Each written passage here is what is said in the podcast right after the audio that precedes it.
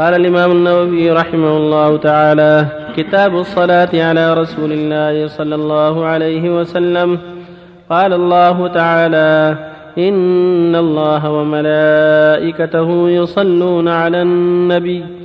يا أيها الذين آمنوا صلوا عليه وسلموا تسليما.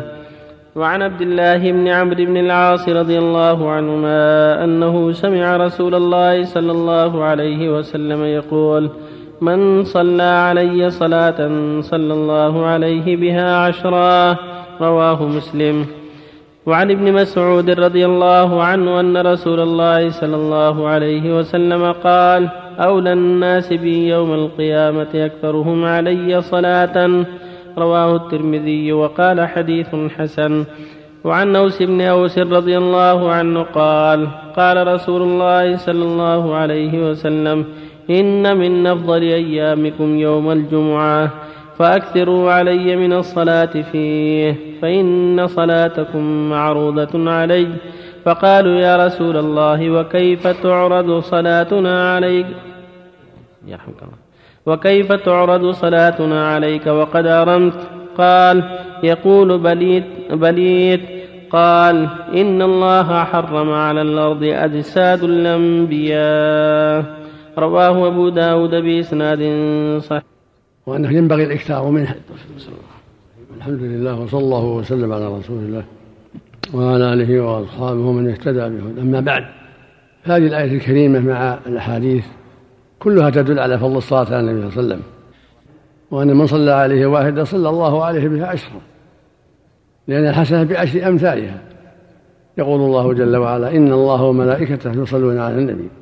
يا أيها الذين آمنوا صلوا عليه وسلموا تسليما. والصلاة من الله على عبده في الملائكة ورحمته إياه. ومنا الدعاء. نقول اللهم صل على رسول الله اللهم صل وسلم على رسول الله. اللهم صل على محمد وعلى آل محمد كما صليت على إبراهيم وعلى آل إبراهيم إنك حميد مجيد.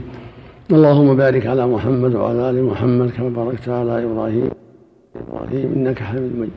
هكذا فسرها النبي صلى الله عليه وسلم.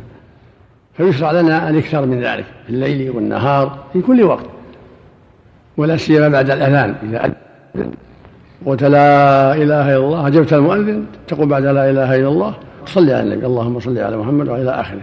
ثم تقول اللهم رب هذه الدعوه التامة والصلاة القائمة. آت محمدا الوسيلة والفضيلة وابعثه مقاما محمودا الذي وعدته إنك لا تخلف الميعاد. يقول النبي صلى الله عليه وسلم إذا سمعتم مؤذن فقولوا مثل ما يقول. ثم صلوا عليه. إنه من صلى عليه صلى الله عليه باشرا ثم سلوا الله له الوسيلة فإنها منزلة في الجنة. لا تنبغي لعبد من عبد من عباد الله وأرجو أن أكون أنا هو. فمن سأل الوسيله حلت له الشفاعة يوم القيامة. فينبغي الإكثار من صلاة عليه عليه الصلاة والسلام. ويقول صلى الله عليه وسلم إن أولى الناس بي يوم القيامة أكثرهم عليه صلاة. أولى الناس بالنبي صلى الله عليه وسلم أكثرهم عليه صلاة عن إيمان به وعن محبة الله عليه الصلاة والسلام واتباعا لشريعته. ويقول صلى الله عليه وسلم إن من أفضل أيامه يوم الجمعة من أفضل خير أيامه يوم الجمعة. فيه خلق آدم وفيه أدخل الجنة وفيه هبط منها وفيه تقوم الساعة وفيه ساعة لا يرد فيها سائل. فأكثروا علي من الصلاة فيها. فإن صلاتكم معروضة علي. قال يا رسول الله كيف تعرض الصلاة عليه وقد أرمت يعني أرممت يعني بليت. قال إن الله حرم على الأرض أن تأكل أجساد الأنبياء. روحه في أعلى العليين روحه في أعلى العليين ومن صلى عليه وسلم عليه ترد عليه روحه حتى يرد عليه السلام كما قال صلى الله عليه وسلم ما من أحد يسلم عليه إلا رد الله عليه روح حتى أرد عليه السلام. يمكن يمكن أن تحمل الملائكة الصلاة عليه إليه عليه الصلاة والسلام. فإنه صلى الله عليه وسلم قال إن لله ملائكة سياحين يبلغوني عن أمة السلام عليه الصلاة والسلام. فالإكثار من الصلاة عليه والسلام عليه يبلغ إياه عليه الصلاة والسلام ويرد على من سلم عليه فينبغي الإكثار من ذلك على ما جاء في الأحاديث الصحيحة في صفة الصلاة عليه. بينها صلى الله عليه وسلم قال قولوا اللهم صل على محمد وعلى آل محمد كما صليت على إبراهيم وعلى آل إبراهيم إنك حميد مجيد. اللهم بارك على محمد وعلى آل محمد كما باركت على إبراهيم وعلى آل إبراهيم إنك حميد مجيد. هذه صفة السلام عليه الصلاة عليه عليه الصلاة والسلام. أما السلام فقد بينه السلام عليك أيها النبي ورحمة الله وبركاته. ولهذا لما علمهم الصلاة قال أما السلام فقد علمتم. وهو أن يقول الإنسان السلام عليك أيها النبي ورحمة الله وبركاته. أو السلام عليك أيها النبي ورحمة الله وبركاته. أو السلام على النبي محمد ورحمة الله وبركاته. المقصود أنه علمنا كيف نصلي وكيف نسلم عليه الصلاة والسلام. وصلى الله وسلم عليه وعلى آله وأصحابه.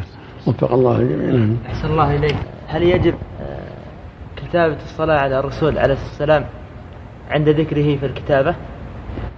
هذا الله عند ذكره وعند السماع. عند كتابته وعند السماع.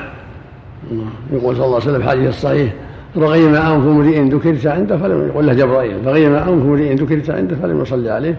قل آمين. فقلت آمين. هذا يدل على وجوب. رغم أنف امرئ ذكرت اللهم صل عليه. وسلم اللهم إذا كتب الإنسان الرسول ثم صلى عليه شفهيا ولم يكتب ذلك. يحصل مقصود لكن إذا كتب أحسن حتى يعين القارئ. حتى يعين القارئ. أرمت. صحيحة أرمت معروف. أرمت أصلا أرممت.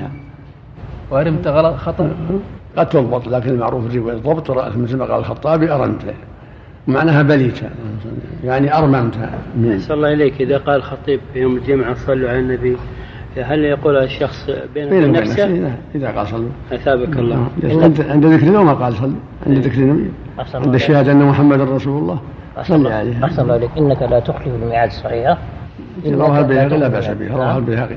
زادها البيهقي بإسناد جيد. شيخ حديث اوس بن اوس يا شيخ قد اعل يا شيخ. يبقى صحيحا يا شيخ. المعروف إنه لا بأس به. نعم.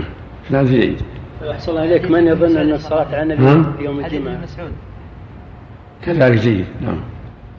إنه لم ناتي يوم القيامة كما رواه أبو إسناد جيد. نعم. أحسن الله إليك يا شيخ. بالنسبة لي يظن ان الصلاه على النبي صلى الله عليه وسلم فقط يوم الجمعة. لا لا في كل وقت. عام. من صلى عليها صلى الله عليه بعشر على في جميع الأوقات. أثابك اللهم صل في الليل والنهار وفي السفر والحضر وأنت جالس وأنت مضطجع وأنت ماشي مثل ذكر الله. من جنس الذكر. ويكثر يوم الجمعة مستحب. يوم يعني يكثر زيادة من يكثر مثل ما قال فأكثروا علي. المكثر من الصلاة من أولى الناس شفاعة آه، بشفاعة النبي صلى الله عليه وسلم. الشفاعة شيخ للعرض أو شفاعة دخول الجنة يا شيخ؟ نعم. الشفاعة عامة عامة عامة.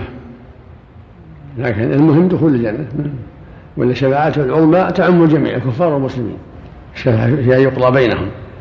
لكن الشفاعات الأخرى شفاعات في ثقل الميزان في عظم الأجر وفي دخول الجنة والنجاة من النار هي شفاعات أخرى. يشفع شفاعات عديدة عليه الصلاة والسلام؟ في أهل النار من العصاة. هذه هي اللي يختص بها صاحب الصلاة على النبي. نعم. هذه اللي يختص بها صاحب الصلاة على النبي. نعم. المسلم. ثم الكافر أعماله باطلة.